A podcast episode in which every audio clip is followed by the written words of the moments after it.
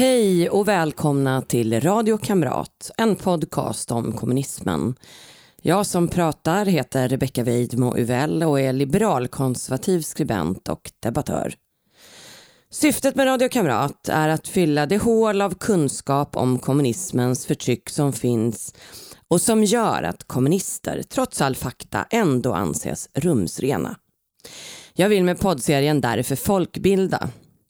Podden produceras i samarbete med den konservativa tankesmedjan Oikos och kommer att sändas varannan onsdag fram till valet 2022. Vill ni som stödjer mitt initiativ om folkbildning om kommunism bidra kan ni swisha till 123 444 5847.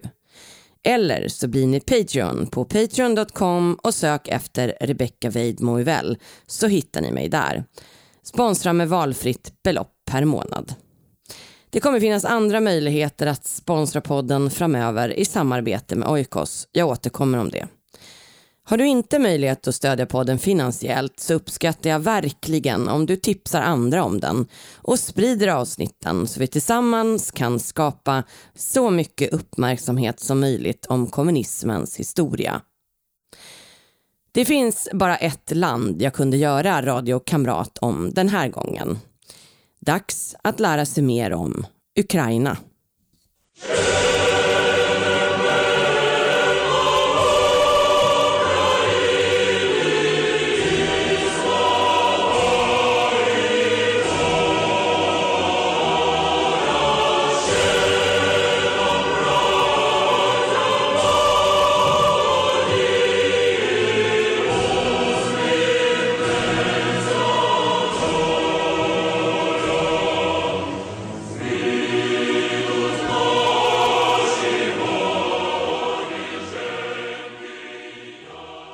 Ukraina är det näst största landet i Europa med sin yta på 603 000 kvadratkilometer och är det största som helt och hållet ligger i Europa.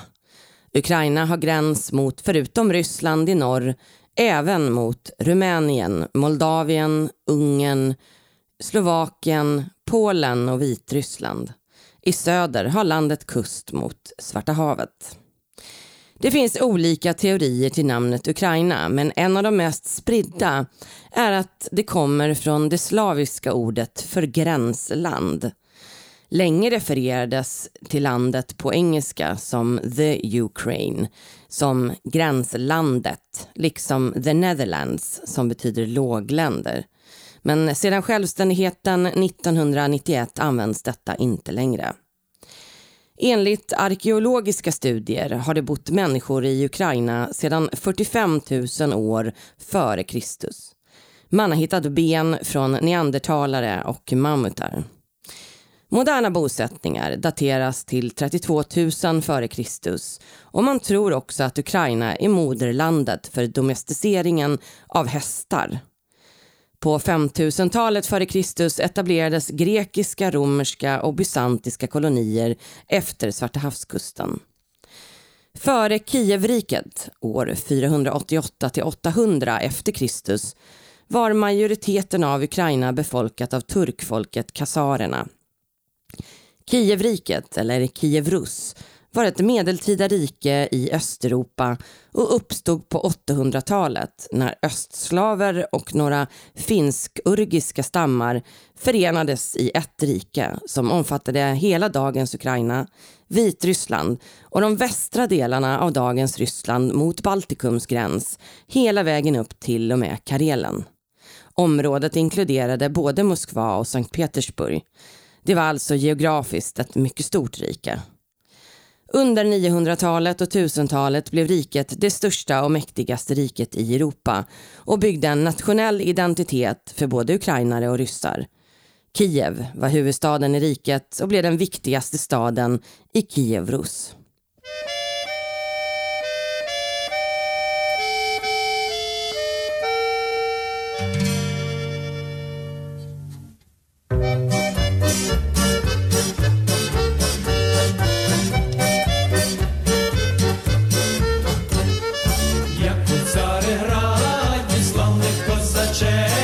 вражі бусурмани вішали на гак, глянувши востаннє на цей світ біленький, у смертну годину козак мовив так, хай живе, живе, вільна Україна, хай живуть.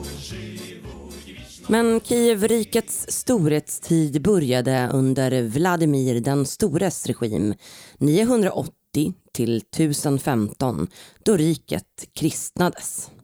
På 1200-talet upplöstes Kievriket när mongolerna invaderade. När mongolhärskaren Djingis khan år 1227 dog fick hans fyra söner alla en del av mongolernas välde. Batu khan, barnbarn till Djingis, ärvde när hans pappa Jocki dog och var den kan som erövrade Östeuropa och skapade den så kallade Gyllene horden. Med en armé på 130 000 skulle han erövra hela Europa men kom inte så långt att han tog just hela, däremot de östra delarna. År 1240 vann mongolerna över Kievrus och införlivade det i Gyllene horden. År 1440 hade en annan ättling till Djingis khan vunnit strider om att göra Krimhalvön självständig och Krimkanatet etablerades som en självständig del i Gyllene horden. Eftersom kriget i Ukraina inleddes med annekteringen av just Krim är halvöns historia central. Under 1300-talet började ryssar referera till Gyllene hordens mongoler som tatarer. På slutet av 1400-talet började Moskvafurstendömet öka sin makt och storfursten Ivan den store vägrade att betala skatt till kanen. År 1502 var makten över Moskvafurstendömet brutet och den gyllene horden försvann helt sedan efter att ha förlorat strider med Krimkanatet.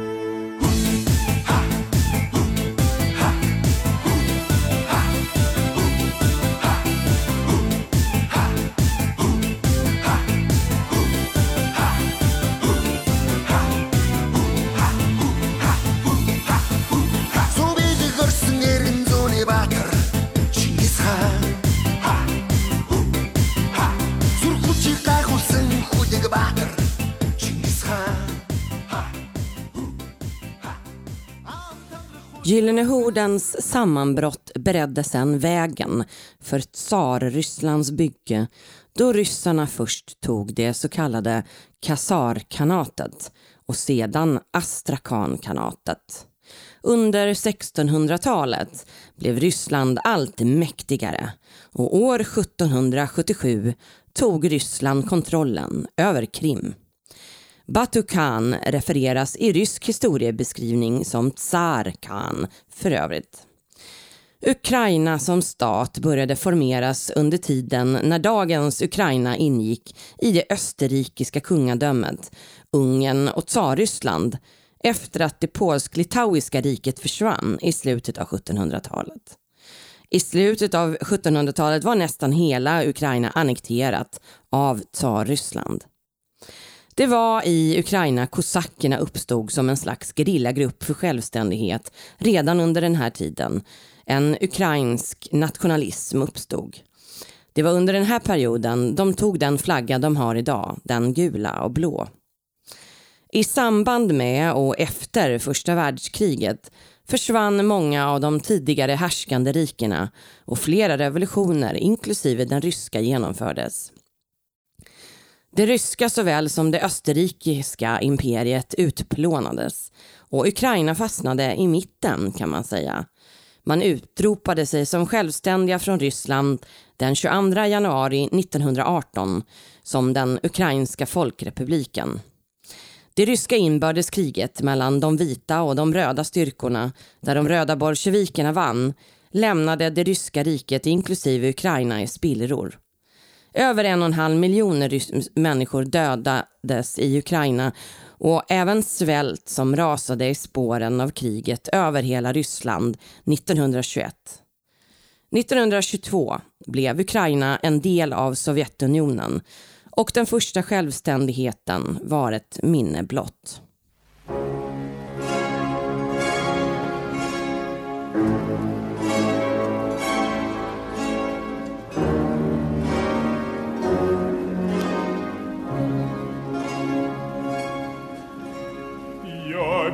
Серця ношу пісні, в серці самого мого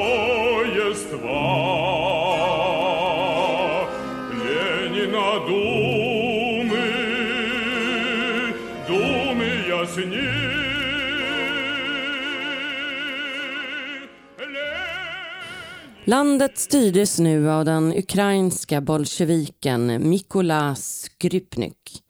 Han studerade som ung i Sankt Petersburg 1901 när han arresterades för att han var kommunist, vilket fick honom att bli revolutionär på heltid.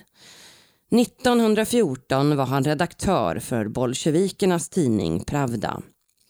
Han deltog i oktoberrevolutionen och utsågs 1918 av Lenin till ledare för den ukrainska, nu lydstaten, i den nyetablerade kommunistiska Sovjetunionen.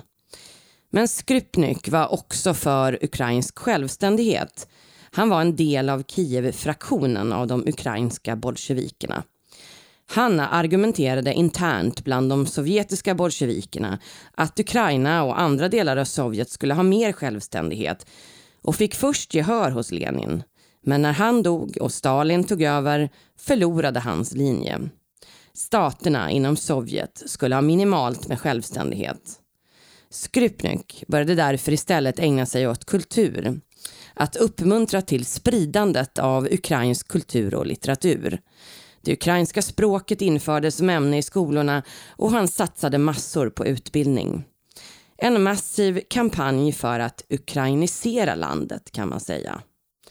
Men hans egna skäl till detta var i grunden att han trodde att genom det här skulle landet i grunden kunna förvandlas till en kommunistisk stat byggd av tron från rättrogna kommunister.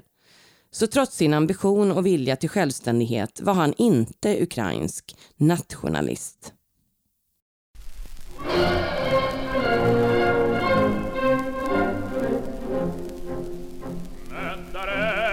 на полях широких кров вітів та густо пролилась, піднялась країна рад високо, як маяк над світом піднялась.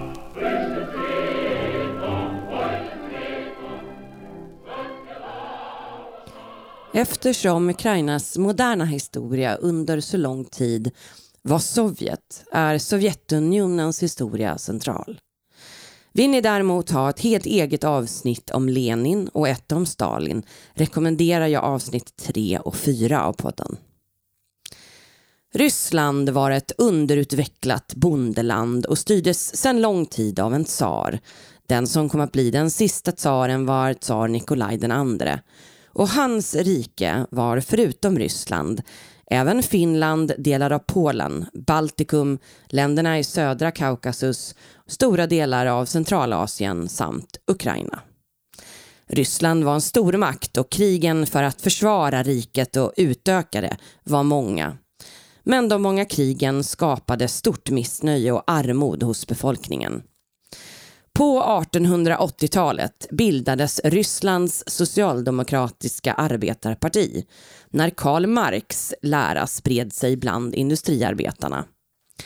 1903 splittrades dock partiet i två falanger, bolsjevikerna och mensjevikerna, vilket betyder majoritetsman och minoritetsman på ryska. Skillnaden mellan dem var att bolsjevikerna ville ta makten genom revolution. 1904 befann sig Ryssland återigen i krig. Denna gång mot Japan. Kriget gick dåligt och ledde till stora förluster för Ryssland i fält och även till hungersnöd och bidrog till en allt ökande misstron mot de styrande. Söndagen den 22 januari 1905, som senare kom att kallas den blodiga söndagen, demonstrerade 200 000 arbetare för bättre villkor i Sankt Petersburg. Tsaren var inte i vinterpalatset men regeringsstyrkor öppnade eld och dödade flera hundra och sårade tusentals. Efter detta bröt den första revolutionen ut. Konsekvensen av den revolutionen var att duman inrättades, det vill säga parlamentet. Men i praktiken blev förändringarna mer pappersprodukter och i verkligheten ändrades mycket lite.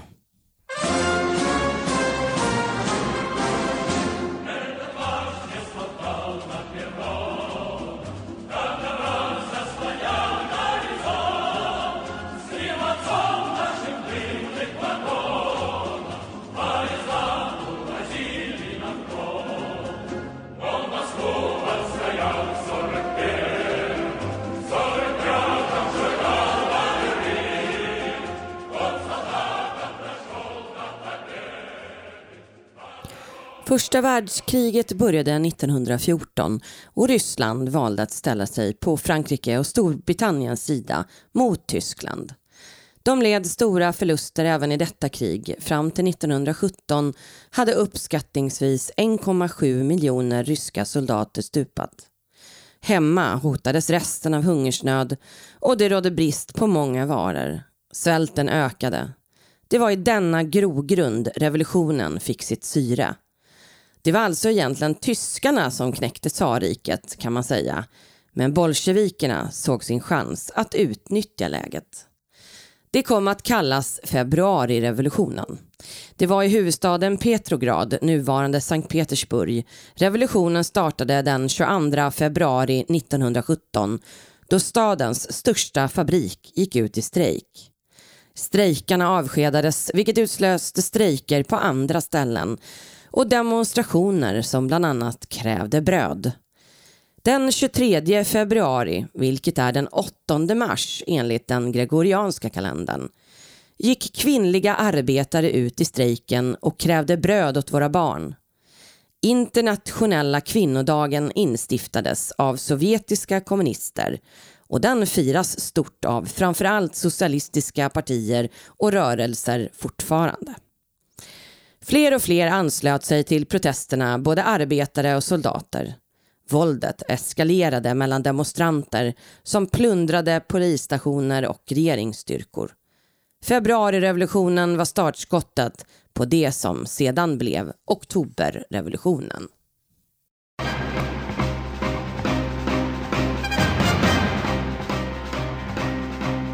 Небо утреннего стяг не важен первый шаг. Слышишь, реют над страною ветры яростных атак. И вновь продолжает собой, и сердцу тревожно в груди. И Ленин такой молодой, и юный октябрь впереди. Vladimir Lenin levde under den här tiden själv i exil i Zürich. Det är under exilen han skriver sitt manifest.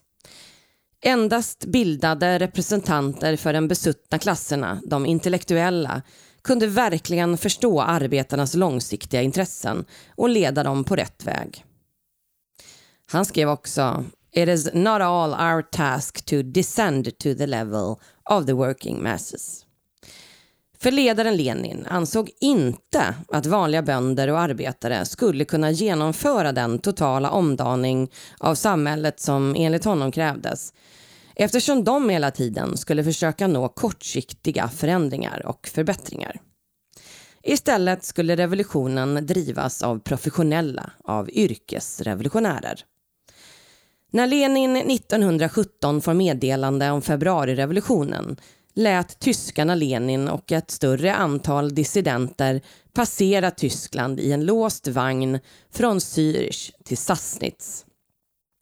Det låg nämligen i Tysklands intresse att undergräva den ryska staten så att de skulle dra sig ur kriget.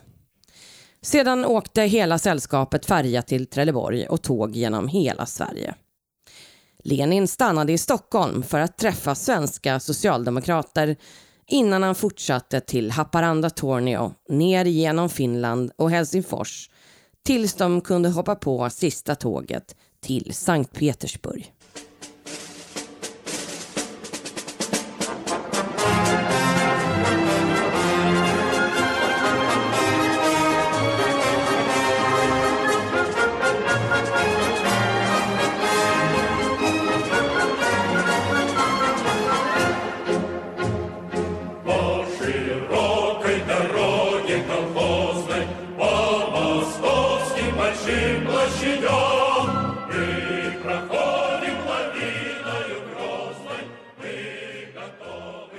Ett annat ord för oktoberrevolutionen är faktiskt statskupp. I november 1917 skapade bolsjevikerna Sovjetstaten under ledning av Folkkommissariernas råd, där Lenin utsågs som ordförande. Snabbt efter maktövertagandet och oktoberrevolutionen grundade Lenin den hemliga polisen, Tjekan, som började rensa ut oliktänkande och motståndare och dömde dem till antingen döden eller förvisning till Sibirien. Det räckte om man bedömdes vara klassfiende. Lenin ändrade 1918 partiets namn från RSDVP till Ryska kommunistpartiet Bolsjevikerna.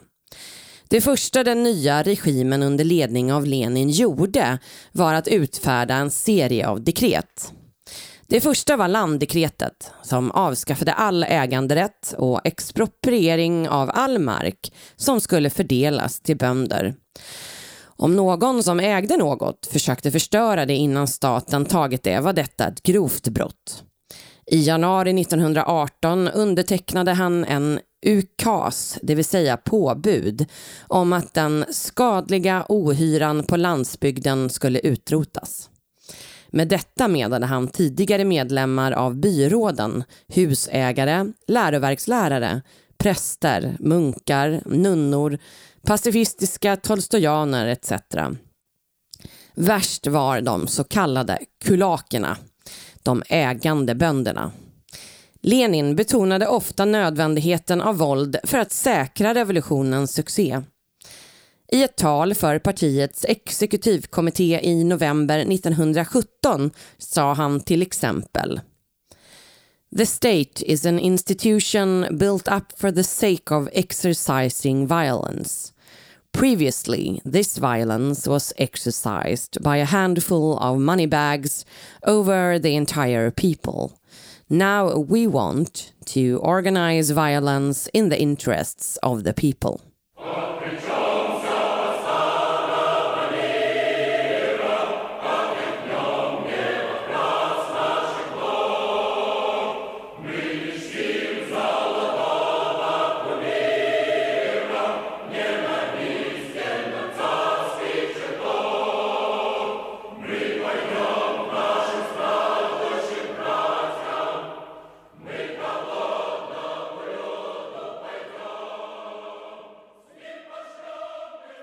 I september 1918 kom ett annat av Lenins dekret om röd terror. Ett system för förtryck som skulle utföras av Tjekan. Majoriteten av offren var människor som arbetat för tsarriket, medelklassen och överklassen. Tjekan var polis, domstol och bödel. På uppmaning från Lenin och Trotskij togs redan 1918 initiativ att återskapa de så kallade katorgas som används av Tsarryssland mot politiska fångar och brottslingar som dömdes till straffarbete. Men Sovjet kallade dem Gulag. Mellan åren 1919 och 1920 ökade antalet inspärrade i arbetsläger och koncentrationsläger och i slutet av 1920 hölls 50 000 inspärrade i 84 läger. 1923 var det uppskattningsvis 70 000 i 315 läger. Samtliga tvingades till hårt slavarbete. Det var Lenin som grundade den internationella kommunistorganisationen Komintern 1919 som la grunden för Sovjets ambitioner för världsherravälde och där svenska VPK var medlemmar. Ryssland drabbades 1921 av en svår torka som ledde till ett omfattande svält då befolkningen redan led av matbrist på grund av krig och landdekretet. Man beräknar att 5 miljoner ryssar svalt ihjäl 1921 till 1922 under den stora svälten. 1921 bad Lenin omvärlden om hjälp med spannmål och bröd och mediciner till det ryska folket. Och USA var det land som svarade först och som bidrog mest. 10 miljoner personer fick varje dag mat. 330 000 personer fick kläder och 912 ton mat distribuerades. I juli 1922 bestämde Lenin att alla i opposition till bolsjevikerna skulle deporteras, avrättas eller interneras i läger. Detta inkluderade alla antibolsjevikiska präster. 14 000 till 20 000 avrättades direkt. Den 21 januari 1924 fick Vladimir Lenin en stroke och avled 54 år gammal. Hans inledande våg av terror banade väg för en av de värsta kommunisterna i historien, Josef Stalin.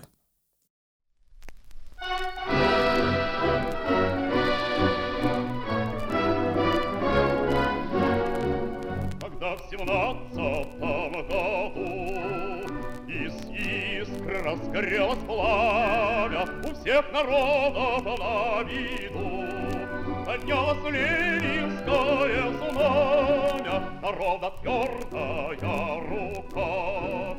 Взяла под власть свободной пашни И только памятью века Остался темный 1912, när Stalin fortfarande var förvisad till Sibirien av tsaren, valdes den första bolsjevikkommittén vid en konferens i Prag.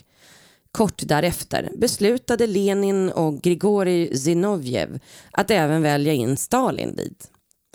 När oktoberrevolutionen varit och Lenin utropade Sovjetunionen var Stalin en av fyra ledande personer i partiet ihop med Trotskij och Sverdlov. Han var en stark supporter av Lenins beslut att skapa Tjekan och den röda terrorn. Han var även under en tid chefredaktör för bolsjevikernas tidning Pravda. 1921 valdes han till generalsekreterare för partiet, en då administrativ tjänst men som sedermera blev den mäktigaste positionen. I takt med att Lenins hälsa försämrades kunde Stalin tillskansa sig mer och mer makt. Och när Lenin dog var planen att centralkommitténs ledamöter skulle styra landet gemensamt men blev istället starten på en nästan fem år lång maktkamp inom partiet som Josef Stalin slutligen vann och hans värsta motståndare Lev Trotskij tvingades fly landet. Han mördades sedermera utomlands. Stalin var alltså 1927 ledare för det mäktiga sovjetiska kommunistpartiet men inte för regeringen och till den posten utsåg han Vajerslav Molotov som gav namn till den berömda brandbomben Molotov Cocktail. Men det var inte han som skapade den, tvärtom. Det var krigare i finska vinterkriget som slogs mot Sovjet som gjorde det. I januari 1933 sände Josef Stalin sin kompis Pavel Postysjev till Ukraina för att ta över, missnöjd med Skripnyks ukrainafieringsprojekt. Postysjev spelade en central roll under oktoberrevolutionen. Han såg till att östra delen, Irkutsk, hamnade under bolsjevikernas kontroll. Redan 1923 skickades han just till Ukraina för att överse bildandet av lydstaten i Kiev. 1925 blev han sekreterare åt kommunistpartiets centralkommitté i Ukraina. 1927 valdes han in i Sovjetunionens centralkommitté. Han ansvarade 1930 för partiets propaganda och var stationerad i Moskva. Sovjetunionen var långt efter många västerländska ekonomier vid tidpunkten och hade inte kommit alls lika långt i industrialiseringen då, då de hade varit fullt upptagna med krig och revolution. 1927 producerade Sovjet bara 70 procent av spannmålen man producerade 1926. Efter att ha rensat ut de sista trotskisterna godkände Stalin 1929 den första femårsplanen i syfte att få fart på industrialiseringen. I dessa femårsplaner skulle Sovjets ekonomi planläggas fem år i taget. Det var efter Stalins förlaga Mao gjorde sina egna ekonomiska planer som det stora språnget. För att komma till bukt med att Sovjet låg efter andra länder beslutade politbyrån en masskollektivisering av lantbruken genom att förbjuda äganderätt av mark och skapa kollektiva jordbruk, kolchoser, och statliga jordbruk, sovchoser. Motivet för detta sades vara ideologiska. Om bönderna skulle arbeta direkt för staten skulle de så småningom bli socialister. Den stora landreformen hade mycket stor påverkan på just Ukraina som kallats Sovjets brödbod och där 86 procent av befolkningen vid tidpunkten levde på jordbruk. Det var också kollektiviseringen som startade en av de värsta svältkatastroferna i historien. Holodomor, som borde erkännas som folkmord av Sverige.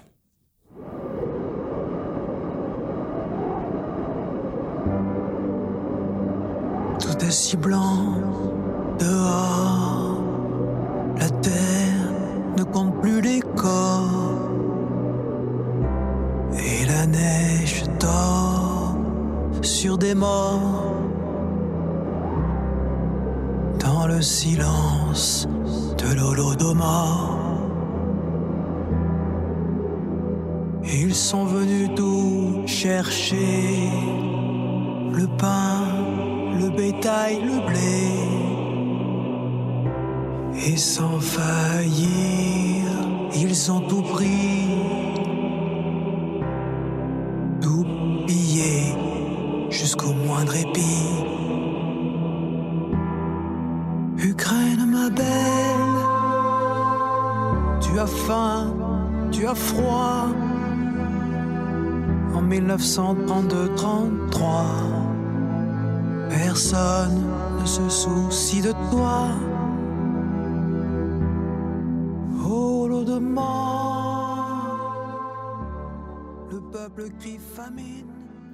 På kommunistpartiets tolfte kongress deklarerade Pavel Postyshev att 1933 var året man måste besegra den ukrainska motrevolutionen. Denna seger skulle inte bara bestå i fysisk utplåning av en viss del av de ukrainska bönderna men också omfattande arresteringar och avrättande av ukrainska intellektuella, författare och konstnärer. Den ukrainafiering som fått pågå skulle abrupt och med våld slås tillbaka. Beslutet ledde till, att näst, till nästan 40 000 arresteringar, över 700 avrättningar direkt, 8 000 personer skickades till Gulag och 120 000 ukrainare utvärderades under de första tio månaderna av 1933 och 23 procent bedömdes vara fientliga element. Postysjev ansvarade för att få bort dessa fientliga element. 60 procent av de ansvariga över jordbruk och traktorstationer ersattes med andra med tidigare lägre rang. I slutet av 1930-talet var fyra femtedelar av den kulturella eliten i Ukraina borta. Mikola Skrypnyk, den tidigare ledaren, sköt sig själv redan sommaren 1933, mitt i den stora utrensningen. Parallellt arbetade Moskva med att bokstavligen svälta ut Ukrainas nationalism. Redan 1927 till 28 drabbades bland annat Ukraina av torka, vilket gav dåliga skördar. Mat började ransoneras. I mitten av 1929 infördes systemet i resten av Sovjetunionen. Men svälten började rapporteras under 1929 från delar av Ukraina. I december 1929 beslutade centralkommittén att kollektivisera inte bara lantbruk utan även djur, vilket drev bönder att slakta sina kor, grisar, getter och får. Den frivilliga kollektiviseringen gick verkligen inte bra i Ukraina som hade en historia av självständighet och en växande nationalistisk rörelse dessutom, som man började tvångsdeportera folk. Mängder med ukrainska bönder utsågs vara kulaker och skickades ut. Ordet holodomor kommer från ukrainskans namn för hunger och för farsot eller mord genom svält och är benämningen på den enorma svält som drabbade Ukraina 1932 till 1933. Den har både naturliga orsaker på grund av torkan och på grund av kollektiviseringen av jordbruken och deportationerna av kulakerna där 75 000 kulakfamiljer, det vill säga 300 000 individer, deporterades just från Ukraina som var ett av de bördigaste områdena i Sovjet. Och personerna man deporterade var alla kunniga bönder. Stalin passade på att utnyttja svälten som uppstod för politiska syften. Den initiala svälten berodde på torka, politiska beslut gjorde att den antog bibliska proportioner. Enligt Forum för levande historia skrev Stalin den 11 september 1932 ett brev till politbyråkollegan Lazar Kaganovic att det ukrainska SSR måste kuvas. Det fanns nämligen en växande nationalism i Ukraina som Stalin inte såg på med blida ögon. I en serie av beslut som syftade till att straffa särskilt Ukraina drog Stalin åt strypsnaran för hela landets befolkning. Från den 18 november 1932 blev ukrainska bönder tvingade att lämna tillbaka säd de tidigare tjänat för att uppnå sina ännu högre mål. Tjekan och partibrigader skickades till regionerna för att leta rätt på all säd som de kunde tänkas ha gömt. Två dagar senare stiftades en lag för att tvinga bönder som inte uppnådde sina mål att överlämna alla djur de hade. Och åtta dagar senare beslutades att kollektiva jordbruk som inte lyckades med sina kvoter skulle placeras på den svarta listan. De som stod där tvingades att överlämna 15 gånger sina kvoter. Dessa jordbruk plockades isär av partimedlemmar på jakt efter mat. Och de jordbruken hade inte längre någon rätt att ta emot gods eller skicka och blev i praktiken dödsfängelser. Den 5 december 1932 presenterade Stalins säkerhetschef ett förslag som gjorde det lagligt att terrorisera partimedlemmar som vägrade hämta säd och det ansågs vara förräderi.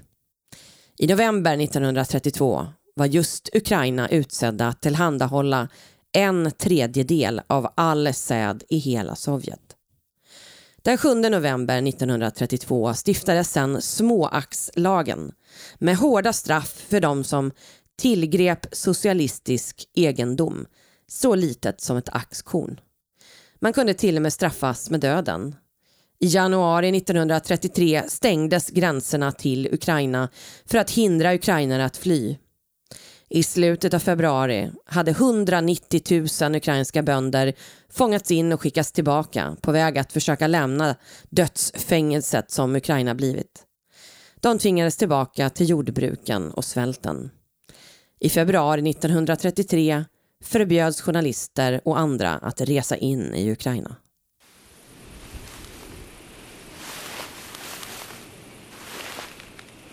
Тобі не холодно? Ні.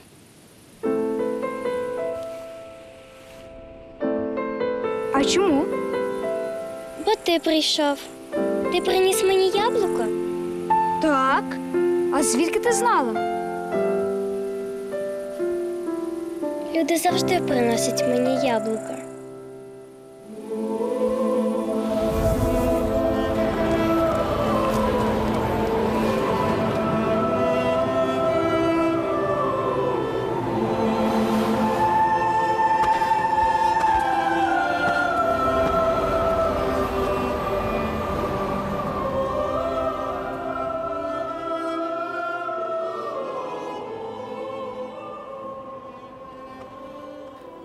Stalin konfiskerade två ton spannmål från de redan svältande bönderna och transporterade det till städerna utanför Ukraina. Folk började äta maskar, fåglar, bark, grodor och gräs. Många vittnen som överlevde berättar om tystnaden som uppstod i spåren av att allt levande dog undan för undan. Fåglarna försvann, djuren och sen dog människorna. Olexa Sunipul var tio år 1933 och berättar som överlevare i Anne Applebaums bok Röd hungersnöd. 1933, precis innan jul, kom brigader till vår by för att leta efter mat. De tog allt de kunde hitta. Den dagen hittade de potatisen vi hade planterat i vår farfars trädgård och på grund av det så tog de allt från farfar och alla frön min farmor hade samlat för att så till hösten. Dagen efter kom de tillbaka och tog alla fönster och dörrar och allt annat till det kollektiva jordbruket. När maten tog slut i byarna började tusentals desperata tigga mat i städerna. Mat var tillgänglig i städer men strikt kontrollerad genom ransoneringskuponger. Men invånarna var förbjudna att hjälpa svältande bönder och läkarna fick inte hjälpa de skelettliknande byborna som lämnades att dö på gatorna. Folk började stjäla i stor omfattning med våld som följd och människor bokstavligt rasande av hunger slog ihjäl varandra för småsaker. Vid sommaren 1933 var svälten så svår att människor började försvinna oförklarligt.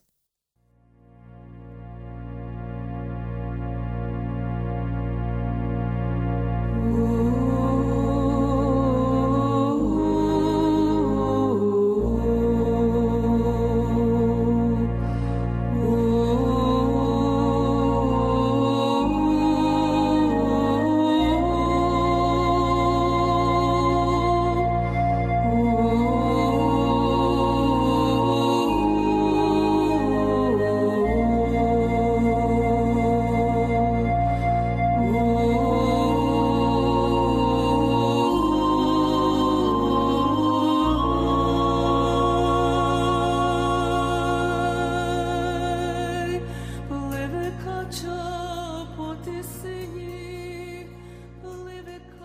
Överlevaren Larissa Wernchuk berättade för Anne Applebaum i National Post.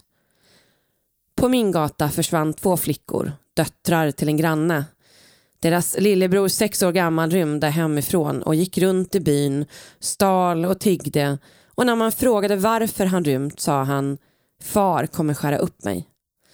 Polisen sökte i huset och hittade bevis för att föräldrarna ätit upp sina barn. En annan man i en närliggande by arresterades också.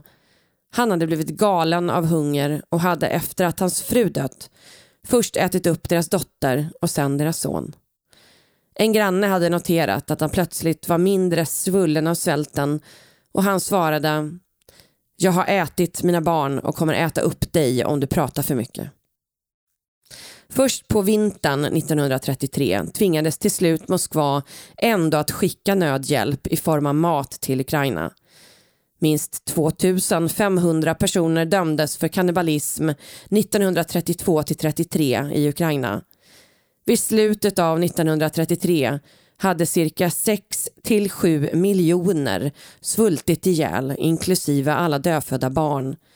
Enligt en konferens på universitetet i Kiev uppskattas antalet totalt till 10 miljoner, varav 7 miljoner ukrainare. Som alltid när det gäller uppgifter om döda är historikerna inte överens. Men att Stalin deltog aktivt i svälten är klarlagt.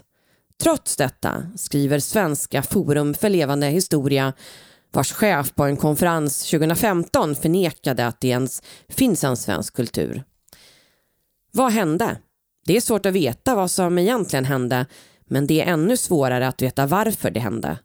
Berodde svälten på ekonomiska problem som Sovjetunionen fick när de började arbeta med en ny ekonomisk politik som kallades femårsplaner?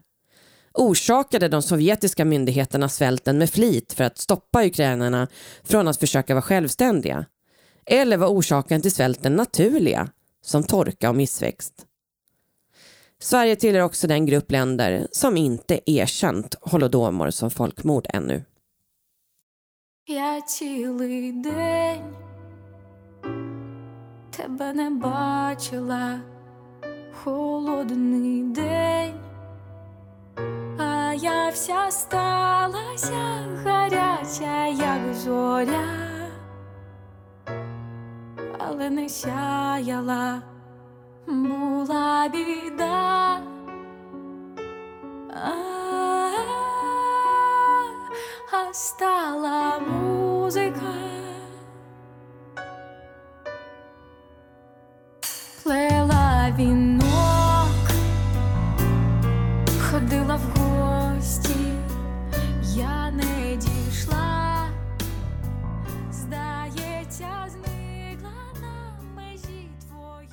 Den eh, ryska seriemördaren Chikatilo som dömdes för att ha mördat och delvis ätit upp över 50 kvinnor och barn och som härjade flera decennier i Sovjetunionen innan han fångades och dömdes på 90-talet var själv barn under holodomor i Ukraina.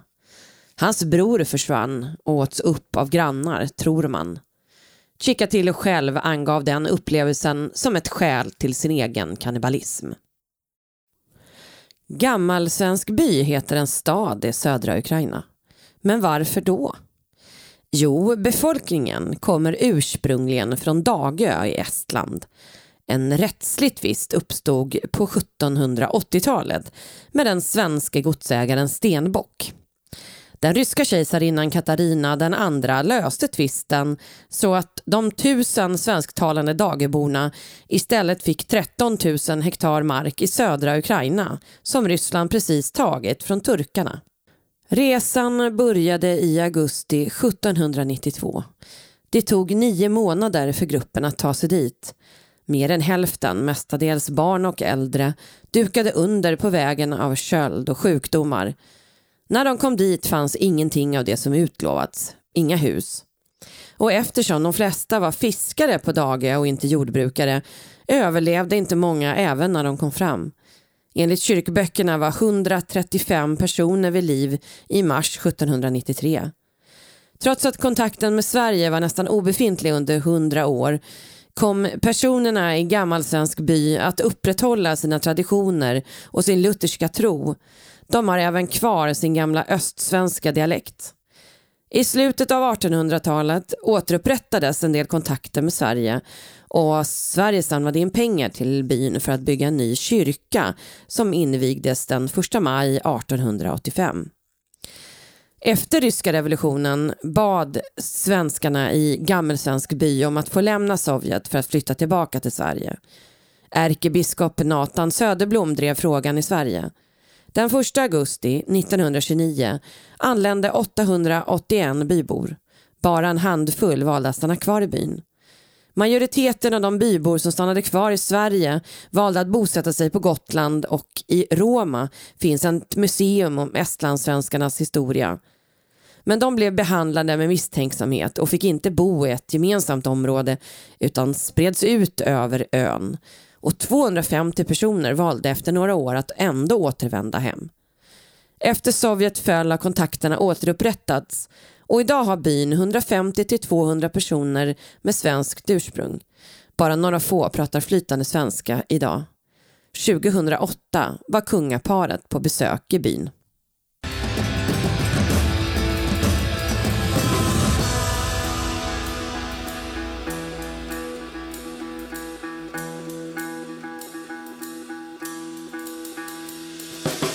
Туда, где светит солнце, куда волочат ноги Там, где родные круче, там, где небо широкий Где на слезах и в муках родилась душа Где царица сожгла сечь, там, где Сталин нам внушал Что мы не нация, что мы рабы империи И как бы нас не били, оставался те, кто верил В наступлении мы поднимемся с колен, как прежде И пока в жилах течет кровь, а значит есть надежда Мы будем драться до конца за землю и свободу.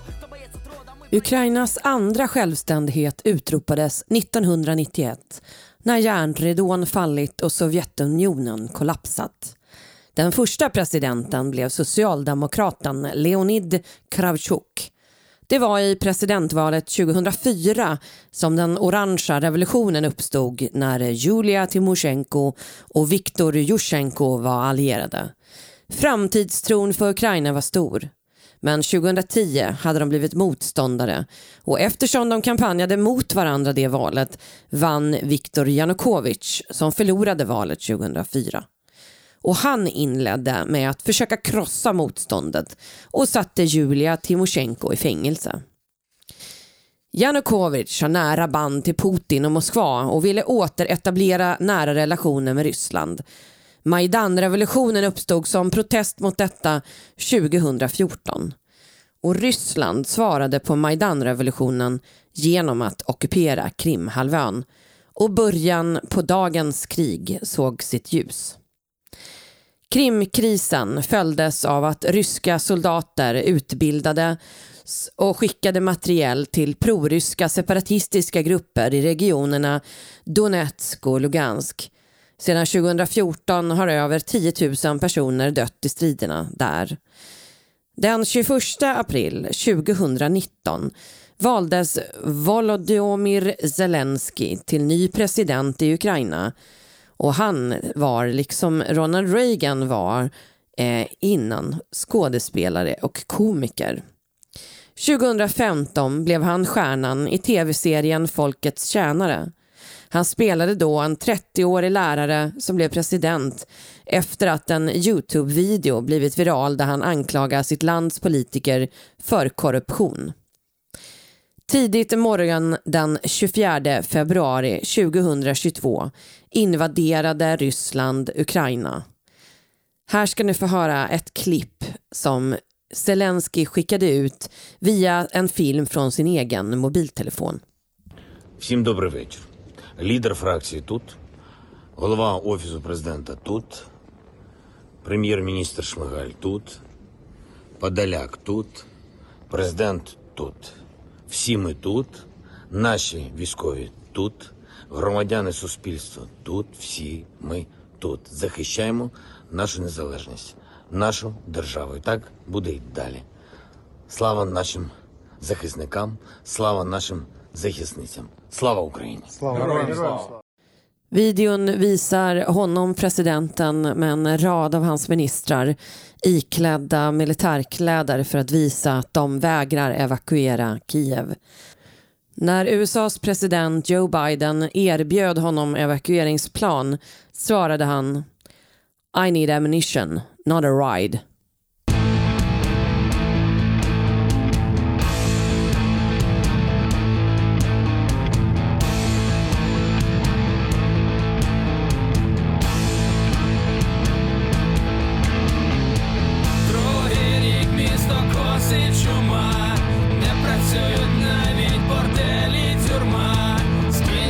Скінчився хліб, скінчилась вода. З культурного життя лише хресна хода. Ходимо, кличемо святих отців на зворотньому шляху підбирає мерців. Папське ім'я втрачає силу і міць. Відьми звільняються з робочих місць. Сенс ворушити цю каламуть. Що тут помруть. Яка різниця, що скажуть церкви? Середні віки, такі середні віки, середні віки.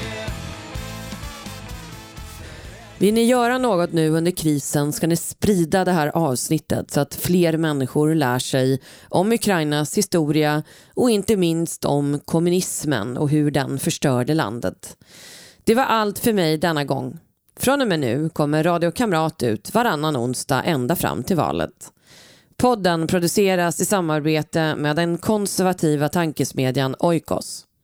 Sponsra projektet genom att bli Patreon på patreon.com eller swisha till 123 444 5847.